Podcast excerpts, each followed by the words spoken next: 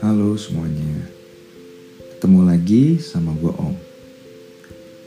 Buat yang baru join di episode 1 ini, mungkin bisa coba mampir dulu ke episode 0. Nah, seperti janji gue di podcast sebelumnya, kali ini gue bakalan coba untuk membawakan sebuah konten yang lebih terarah. Jadi judul dari episode 1 ini adalah lahir.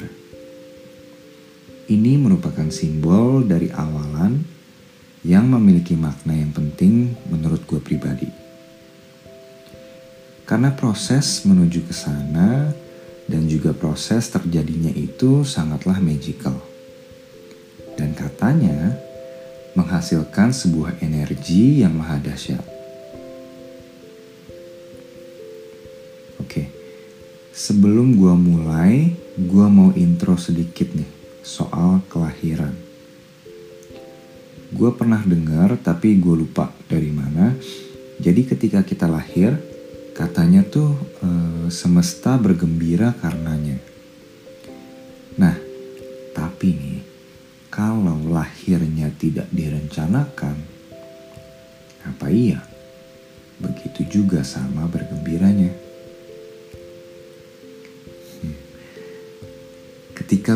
Dibilang suka nyusahin orang pengen banget gue ngomong kalau gue nggak pernah tuh minta buat dilahirkan ke dunia ini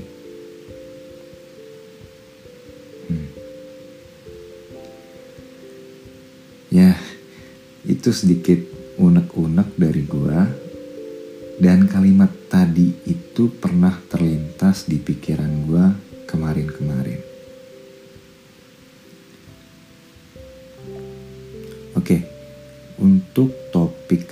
Ini gue mau ceritain tentang sesuatu yang gue dapetin pas gue ikutan salah satu workshop terkenal di Indonesia. Dalam workshop ini ada hal menarik yang gue temukan kembali perihal kata lahir. Gue cukup yakin kalau hampir rata-rata dari kita semua tahu dan pernah belajar pelajaran biologi perihal reproduksi. Ya, kurang lebih sperma pria ketemu sama sel telur wanita, des. Jadi deh, sebuah kehidupan baru. Kurang lebih gitulah ya, simpelnya. Tapi ternyata nggak sesimpel itu loh prosesnya.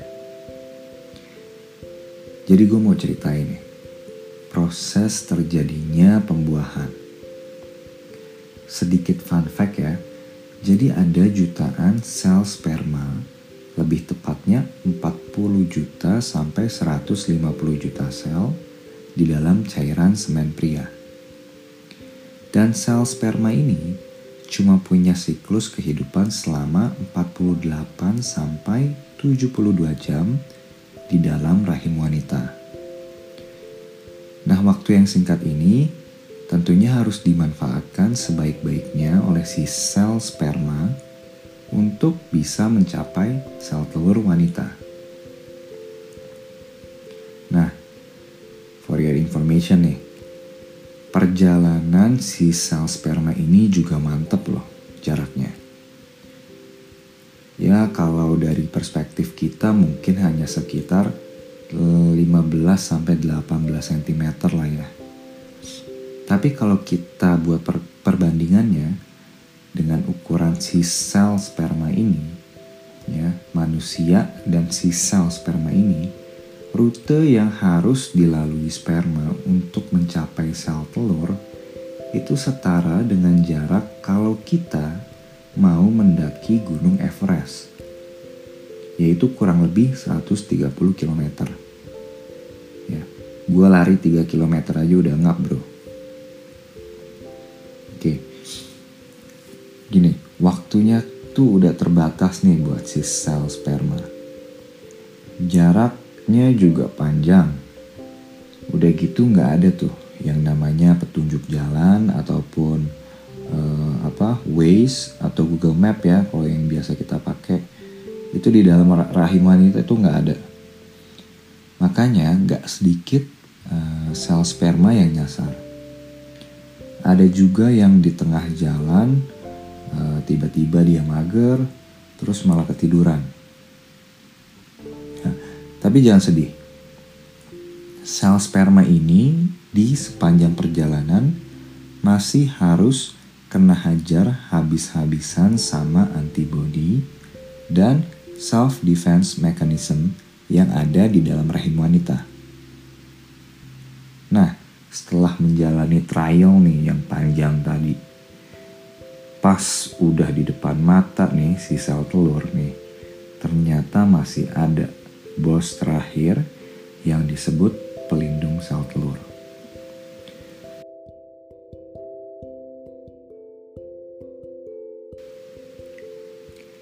Sperma mesti bisa menembus sel telur ini agar terjadi proses pembuahan. Dan biasanya ada sekitar lusinan sel yang berhasil sampai tahap ini, and the race begins. Di tahap ini, sel sperma bakalan ningkatin kecepatan renangnya. Karena cuman yang pertama lah, yang paling cepat lah, yang bisa menyentuh sel telur yang akan berhasil. Sel sperma pertama yang berhasil menyentuh sel telur, dialah yang akan membuat proses pembuahan ketika touchdown. Ketika udah ada nih satu sel sperma yang melakukan kontak dengan sel telur, otomatis sel sperma lainnya nggak akan punya jalan masuk lagi ke dalam sel telur. Karena si pelindung sel telur ini otomatis akan mengeras dan menutup akses masuk, makanya sisa dari sel sperma yang masih di luar ini akhirnya mati. Kebayang gak sih? Dari jutaan sperma itu, lebih detailnya lagi gue ulang nih. 40 sampai 150 juta sel cuma satu yang berhasil. Lu ngelamar kerjaan di multinational companies aja, itu belum tentu sampai segitu saingannya. But dari semua persaingan itu serta trial yang panjang itu, it's you kamu. Ya, dan kita semua yang ada di dunia ini. Kita adalah yang berhasil melewati proses kompleks tadi. Jadi gue pengen nih buat coba ya, buat kita semua ini proud sama diri kita sendiri setelah mendengar cerita pendek tadi. Karena you are one in a million. Ini mungkin gak berlaku ya buat yang kembar. bercanda, bercanda. And that's a fact. You are a fighter. You are one hell of a lucky bastard. Jadi apa sih yang kurang dari kita? bersyukur kali ya. Tadi kan kita udah denger nih cerita magical tentang terjadinya kita semua dari perspektif sperma dan sel telur. Tapi tampaknya eh, proses ini kurang disadari ya oleh kita semua bahwa betapa sakralnya proses menuju lahir ini. Nah setelah ada proses pembuahan ini, masih ada juga nih proses pengembangan, yaitu mengandung. Dan sebelum itu juga ada prosesnya sendiri, ya menuju proses pembuahan. Seperti yang kita tahu, sebelum si sperma ini bisa masuk ke dalam rahim wanita, perlu yang namanya proses penetrasi dulu. Yes, it is sex. And yes, it's good if you know how to do it right.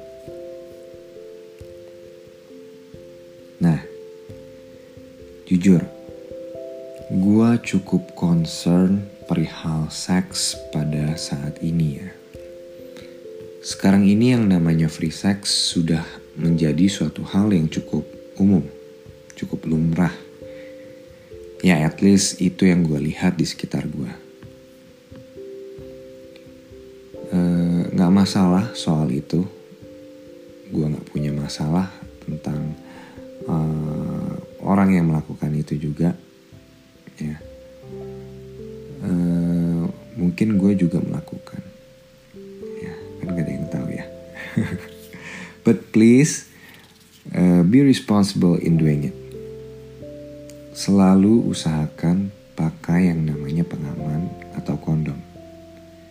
Kalau kalian belum siap untuk mempunyai anak atau belum siap nih buat punya STD, ya, please jaga-jaga. Kalau nih alasannya pakai kondom itu nggak enak, berasanya kurang berasa lah kalau dari sisi cowoknya. Atau misalkan ngilu sakit dari sisi ceweknya. Cobalah kalian cari dan beli kondom tipe non latex ya memang agak sedikit pricey. Tapi kalau enak dan safe apa itu nggak sepadan? Ya ini gue nggak promosi loh. Ya kalau ada yang mau sponsorin boleh. Uh, lu juga tahu kan uh, ketika the one night stand lah ya uh, lu akan bertemu dengan orang orang asing orang baru yang lu tidak paham betul behaviornya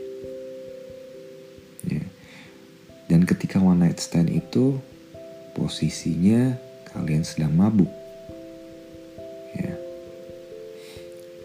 untuk behavior dalam melakukan uh, tindakan seks ini juga berbeda-beda tiap orangnya. Ya. Oke okay lah, si cowoknya nih kuat nih nahan keluarnya nih jago banget nih tekniknya.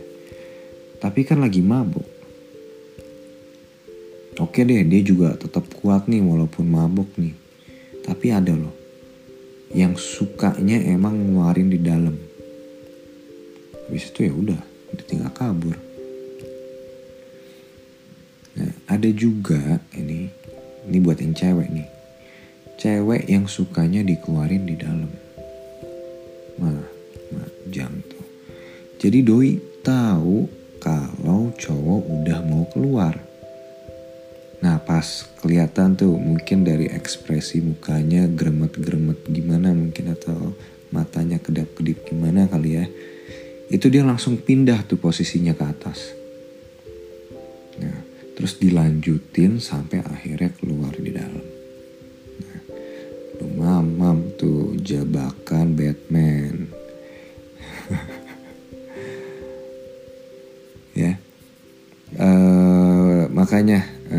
please uh, be safe lah uh, dalam hal ini dalam melakukan uh, seks apalagi di luar e, nikah. Karena banyak sekali konsekuensinya.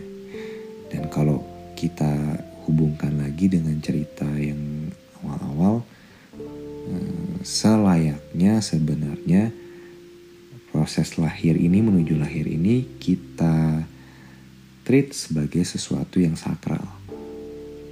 Ya. Nah mungkin kalau ada yang penasaran uh, ke trigger nih setelah gue ngomong kayak gini ya udahlah. Gue tetap uh, suka free sex tapi gue pengen aman sekarang. Lu cari-cari aja deh. Uh, kondom non latex itu itu udah cukup banyak uh, di marketplace. Jangan sampai lu pada nge-DM ke Instagramnya kata.om underscore ID itu cuman buat nanya merek kondomnya apa ya ntar gue berubah haluan jadi reseller kondom terus nggak lanjut-lanjut nih podcast gue. Nah, di awal kan gue sempet tuh curcol kalau gue nggak pernah tuh minta buat dilahirkan di dunia ini. Tapi, tapi nih, mungkin gak sih kalau kita ini hanya lupa?